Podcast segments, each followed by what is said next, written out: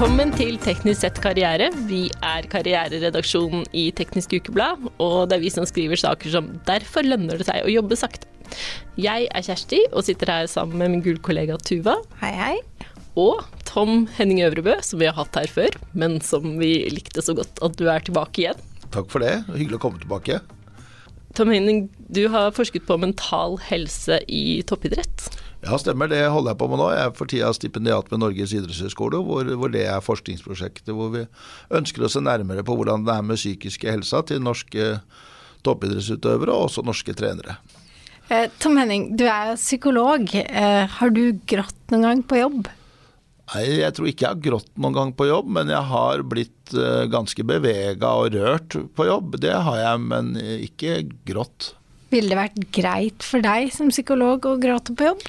Det kommer nok veldig an på hvilken setting det er. Eh, det tror jeg nok. Men jeg ser jo det og erfarer det at eh, de jeg jobber med f.eks. i en mer klinisk setting, de setter jo pris på det hvis jeg er tydelig på at, at jeg syns den historien de forteller er noe som gjør veldig inntrykk, og at jeg merker at den treffer meg på et vis.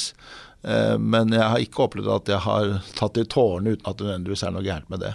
Klinisk setting, det er når du sitter og har uh... Ja, hvis jeg har pasienter. Men i toppidretten, du jobber jo også med toppidrettsutøvere. Ja, stemmer. Når de er på jobb, så føler jo de veldig mye. Ja, det er klart. Eh, det er en del av toppidretten. Altså det å prestere er jo på mange måter veldig emosjonelt og følelsesmessig. Så det er klart, i, i, idretten så er det jo ekstremt mye følelser, og mange av de følelsene blir det også da gitt eh, tydelig uttrykk for, på godt og vondt. Det ja, gjør det. De gråter på jobb, for å si det sånn. Ja, Ikke nødvendigvis i selve prestasjonsøyeblikket, men vi har jo sett flere eksempler på da kanskje etter at man er ferdig med det man skulle gjøre, at man da kan ty til tårene enten av glede eller av fortvilelse og skuffelse. Eh, så der ser vi kanskje et enda større følelsesspekter enn det man eh, ser ellers i arbeidslivet. Hvorfor er det sånn? Nei, Det vi må huske på er jo at veldig mange utøvere som, som, som, er på toppnivå, de legger jo ekstremt mye ned i dette her. Og i disse OL-tider så er det jo flere da som har jobba kanskje målretta i, i, fire år for å oppnå den store drømmen, som da skal avgjøres i løpet av noen minutter eller timer. Og det er klart det at da er det helt naturlig å kanskje da få en følelsesmessig reaksjon i ettertid, eh, som da enten er positiv eller negativ. Eh, så det er veldig, veldig forståelig. Uh, og, og, toppidretten har jo en litt annen ramme rundt seg enn f.eks. et arbeidsliv som, som da uh, er mye mer, kan du si, uh, strukturert og, og, varer over flere timer hver eneste dag. Sånn er jo ikke nødvendigvis toppidretten.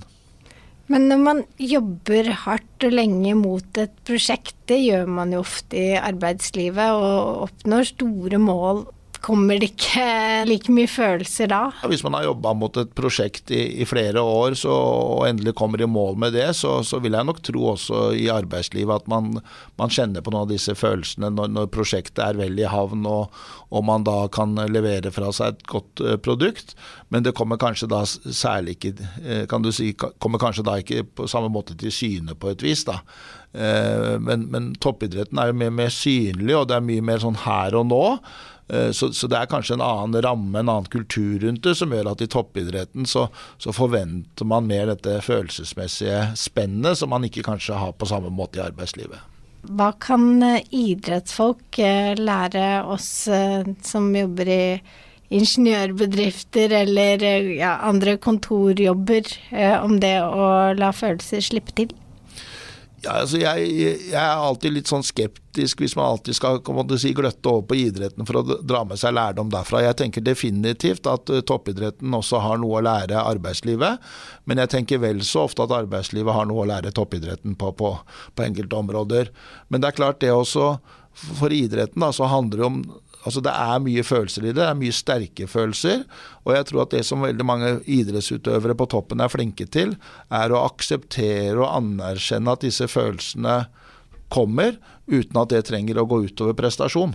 Sånn at det å tåle at følelsene noen ganger kan spille en puss, uten at den da går utover prestasjon, det tenker jeg også at kanskje også vi som da har vanlige jobber, kan lære litt av. Og Det handler om å på en måte bygge opp en, gjerne, det gjerne mental fleksibilitet, eh, som gjør at vi tåler det ubehaget som er forbundet med krevende prestasjoner, og at vi også da klarer å beholde fokus, beholde oppmerksomheten vår, selv om vi kanskje både kjenner på stress og ubehag og frustrasjon i perioder. Jeg tenker jo det å vise følelser, det skaper samhold. Eh, så det å vise mer følelser på arbeidsplassen, eh, ville ikke det hatt en rekke fordeler? Jo, det kan godt være, og så kommer det jo litt an på settingen, da. Ikke sant? Er det sånn at vi skal f.eks. tenke at det er greit å vise sinne i større grad på arbeidsplassen, og tenke at det skaper et ytterligere eh, samhold? Jeg er litt mer i tvil om det, men det å ha en positiv holdning og det å være med på å spre litt sånn positivt energi, det kan jo aldri være en ulempe, enten det er på arbeidsplassen eller i idretten. Eh, men det er klart det er nok ikke alle følelser det er like stor takhøyde for. Og så er det jo også viktig at disse følelsesmessige uttrykkene står i stil til den situasjonen man faktisk er i. Så det er viktig at man da opplever at, at det uttrykket som kommer, at det passer den situasjonen man er i. Eh, så det er klart at eh, ja, det er viktig å være profesjonelle når man er på en arbeidsplass, men selvfølgelig så er jeg veldig tilhenger at man skal få lov å vise følelser, men man må også klare å legge bånd på seg hvis, eh, hvis, situasjonen tilsier det. Så man kan på en måte ikke bare buse ut fordi at man er unnskyld uttrykket, skikkelig drittforbanna. Så det handler jo også om å på en måte ta hensyn til de som er, er rundt seg. I, I, den tiden vi er i nå, så er det store og små kriser som eh, bedrifter opplever. Uh, alt fra altså hacking, uh, store skandaler, og så har vi jo pandemien. Men er det da greit at sjefen gråter? Det at en sjef da tar til tårene, det tror jeg både medarbeiderne har forståelse for, og, og det er kanskje også med på å menneskeliggjøre sjefen på en måte. Eh, men jeg tror det er viktig at disse følelsesmessige utbruddene passer situasjonen, som sagt. Slik at uh, disse tårene ikke kommer hvis man da skal ha en vanskelig samtale uh, med en medarbeider som, som man kanskje må, må irettesette på noe vis. At, at det her passer til situasjonen, det tror jeg er veldig viktig. Men at man også ser at lederen har det vanskelig når bedriften er i en i en krise, det tror jeg ikke det er noe i veien for. Uh, hvis uh, medarbeiderne opplever det på tilsvarende måte. Hvis de derimot har en helt annen opplevelse av det, så tror jeg disse tårene ofte kan oppleves litt uh, i for uh, si litt sånn too much. Ja, men i en situasjon der man kjenner på stor utrygghet, så, så det å se sjefen sin gråte, vil ikke det kanskje øke den utryggheten? Jo, det kan godt eh, hende, men så er det jo en situasjon som også er veldig utrygg for mange. Eh, og det er klart at eh, selv om man da tyr til tårene og, og merker at dette er tøft, så kan man jo samtidig også være tydelig på at vit det, kjære medarbeidere, at selv om ting nå er vanskelig, og selv om jeg også nå tar til tårene, for dette preger meg veldig, beklager det, men jeg har veldig tro på at vi også kanskje kan jobbe oss ut av dette her. Så det går an å gi uttrykk for håp samtidig som man har det vanskelig. Og det tror jeg nok er viktig. Mm. Men det at du både gråter og snakker om hvorfor du gråter? Ja, det tenker jeg er helt på sin plass. Og så er det kanskje ikke bare alle arbeidsplasser det er like stuereint. Men jeg, jeg, tror som sagt at de, veldig, de, fleste ville hatt forståelse for det hvis, hvis bedriften er i en veldig stor krise.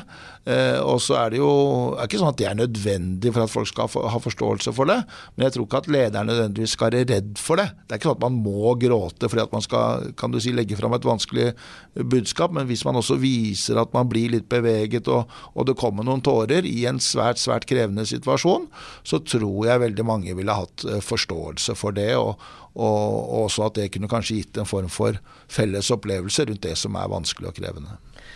Er det forskjell på om den gråtende sjefen er kvinne eller mann?